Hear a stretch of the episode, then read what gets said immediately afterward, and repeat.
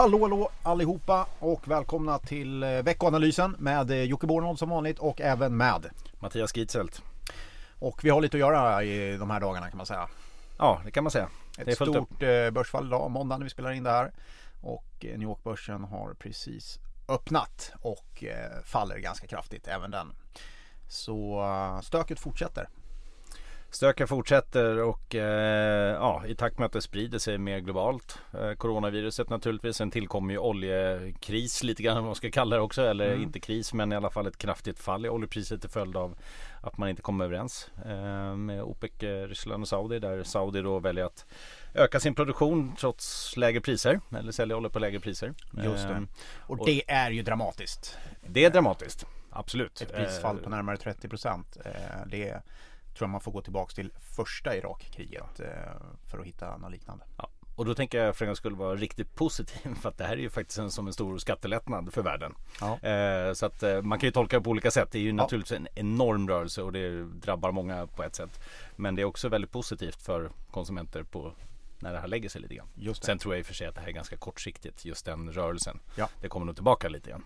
Vi får se var det landar. Men det, det, det, det bidrar ju till, eh, definitivt till osäkerheten. Ja. Eh, och vi har också definitivt. haft en kreditmarknad som eh, ja. har det lite tungt framförallt i USA där det ja. finns signaler på att det är svårare att refinansiera eh, sina krediter. Ja man kan väl säga att det har varit lite, har gått i omgångar här mm. med liksom nedgång. Det började egentligen på, på råvarumarknaden till att börja med. Det var ja. ju kopparn och oljan som det började och sen tog det, kom det till aktiemarknaden. Räntorna fall på, föll på mer. Eh, nu är det oljan eh, och nu kommer ju faktiskt också kreditmarknaden som du säger där Just. det börjar bli lite stress. Mm. Jag tycker man ska ha med sig en sån här dag jag tror att det uppfattas som att det är kris och panik när börsen faller så här mycket. Men vad som händer egentligen det är ju att alla framförallt kanske professionella aktörer ska ta till sig en enorm mängd med information och data som har ja. kommit under helgen. Exakt. Och så ska man prissätta om det. Man ska fundera på vilka risker har ökat och hur ska de prissättas och var borde marknaden värderas. Det är inte jag skulle säga, det är inte panik som gör att det blir så här utan det är snarare väldigt mycket ny information som ska sättas ett pris på. Och, då, och, och det är väldigt många frågetecken och då blir det så här turbulent. Men eh, inte så konstigt. Jag tycker det inte är så märkligt med tanke på hur, hur det här eh, löper framåt. Nej det tycker inte jag heller egentligen. Alltså nu låter det väldigt väldigt lugnt och det ska man väl kanske inte vara så. Men, men faktiskt om man tittar senaste året vad som har hänt så har vi faktiskt haft sämre ekonomi, sämre vinster i börsbolagen och allting. Och vad som har hänt på börsen är ju att den har gått rakt upp och prissatt någonting som är mycket mycket bättre. Mm. Eh, och så blir det istället liksom en besvikelse och det som händer då är att värderingarna ska rakt ner. Vart de ska det får vi se som sagt när prognoserna sätter sig. Just Men det är exakt så det eh, Det får vi se. Eh, Fed, de eh, var aktiva. Ja, de panikade lite grann. Ja, eh, jag kan tycka faktiskt att det var lite tidigt. Mm. Eh, eller lite för snabbt. Eh, sen var det ju prissatt i marknaden åt det. Marknaden förväntas ju pris, eller räntesänkningar. Det man gjorde var att man sänkte 50 punkter. Eh, och eh, det tolkade ju faktiskt marknaden inte som ett lugnande besked utan det är snarare Just så det. att eh, det varit lite ja, lite mer allvar eftersom man, man gjorde det så snabbt och på det sättet. Eh, med ett extrainsatt möte och det har man ju faktiskt inte gjort sedan hösten 2008. Och då tolkar man naturligtvis som att man Fed ser en stor recession runt hörnet. Eh, och det tycker jag är kanske lite för tidigt. Det självklart blir en, en recession på ett eller annat sätt nu men eh, frågan är hur snabb återhämtningen sker efter en nedgång som den är. Just det. Tror du det kommer fler stimulanser från Fed? Eh, ja, och, och det... när får vi höra från kollegorna? I eh, Europa och Ja exakt, jo Eller men det är väl det också. Det ökar ju pressen lite grann på dem också. Mm. Eh, så det räknar jag med att det kommer att ECB här nu under veckans möte faktiskt att man sänker åtminstone depositräntan ett snäpp. Ja. Eh, och det, det kommer komma mer, inte bara från penningpolitiskt håll, vilket jag tror definitivt kommer från fler. Men, men även olika krispaket vi har fått från amerikanska senaten, vi har fått från IMF. Och det är väl det kanske den typen av krispaket eller stimulanser vi snarare vill se. Eh, för tittar man på de här penningpolitiska effekterna att sänka räntan ytterligare, ja det är väl bra men vad ger det egentligen för coronavirusets spridning? Eh, ska folk konsumera mer? Nej, de ska ju hålla sig hemma. så att eh, lite grann så tycker jag att det är, det är bättre med punktinsatser och ja. kanske mer olika typer av stöd till kanske sektorer som drabbas mest vad det nu kan vara. Vi pratade precis innan vi drog igång podden med Dagens Nyheter och så frågar de är det här största fallet någonsin eller hur mm. ser det ut historiskt? Vi kom fram till att det var topp 20 på S&P ja. 500. Ja, om det, om det är så som det indikerar nu ja. att det är ner 7% så är det, så är det runt 20, eller topp 20 då. Ja. Eh, och eh, det största fallet var ju det här 87-kraschen. Då gick det ner 20% på en dag. Ja. Eh, men absolut så är det ju ett riktigt stort fall och riktigt hög volatilitet som vi ser på börsen här nu. Och eh, det är naturligtvis också så mer, mer indexförvaltning med fler algoritmhandel med liksom modernare system. Så det svänger mer. Fler stop loss eh, system ja. av olika slag. Eh, det vill säga folk går snabbare. Då, då blir det stora rörelser. Men de kommer ju till och från. De är inte ovanliga. Nej. Ändå tar vi dem varje gång som det är någonting nytt. Jajamän. Det är... eh, och det tror jag man ska med sig också att nej, de här rekylerna Många gånger har vi en kraftig rekyl per år nästan. Eh, ja.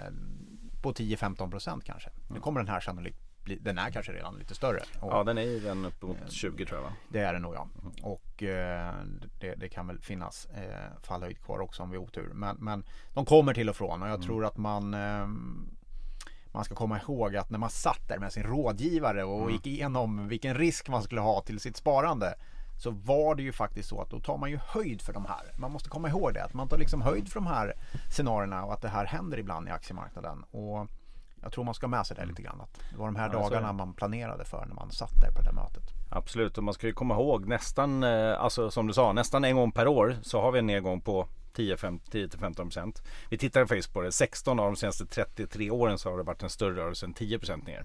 Mm. Eh, men faktiskt bara 7 av de här senaste 33 åren så har det varit en negativ årsavkastning när man tittar i slutet på året. Ja. Så att det, det svänger tillbaka. Men sen ska man också ha med sig någon gång per decennium så har vi en större krasch oftast. Just. Eh, om man tittar de senaste 100 åren. Eh, och det, det, är för tidigt att säga om det här blir den stora kraschen. Men stora krascher kan vara uppemot en 40% ner. Just det. det det är, det är många som glömmer bort eh, till exempel millennieskiftet Stockholmsbörsen från topp till botten. Det var väl 60-65% ja. ner.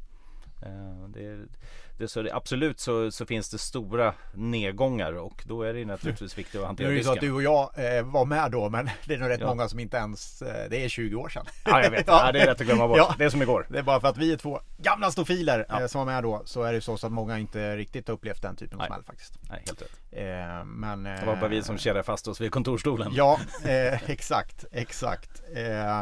Men, men, det är väl viktigt att komma ihåg det förstås och vi får se vad, vad som händer. Nu har det gått väldigt fort men det här eh, ska man gissa någonstans så kan man väl konstatera att nu kommer det här ta lite tid att reda ut hur det här har påverkat. Eh, vi har en kvartalsrapportperiod som kommer in här i, om en månad. Eh, då börjar man kanske få mer kött på benen kring hur illa det har varit och så mm. vidare.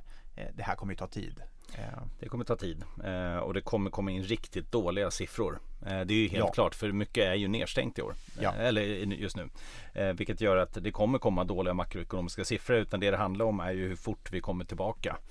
Om det här blir ett riktigt avbrott som drar med sig liksom sentiment eller humöret ner för många andra delar i ekonomin. Och att det här blir den, den nya stora riktiga kraschen och recessionen globalt. Det är för tidigt att säga men räkna med dåliga siffror.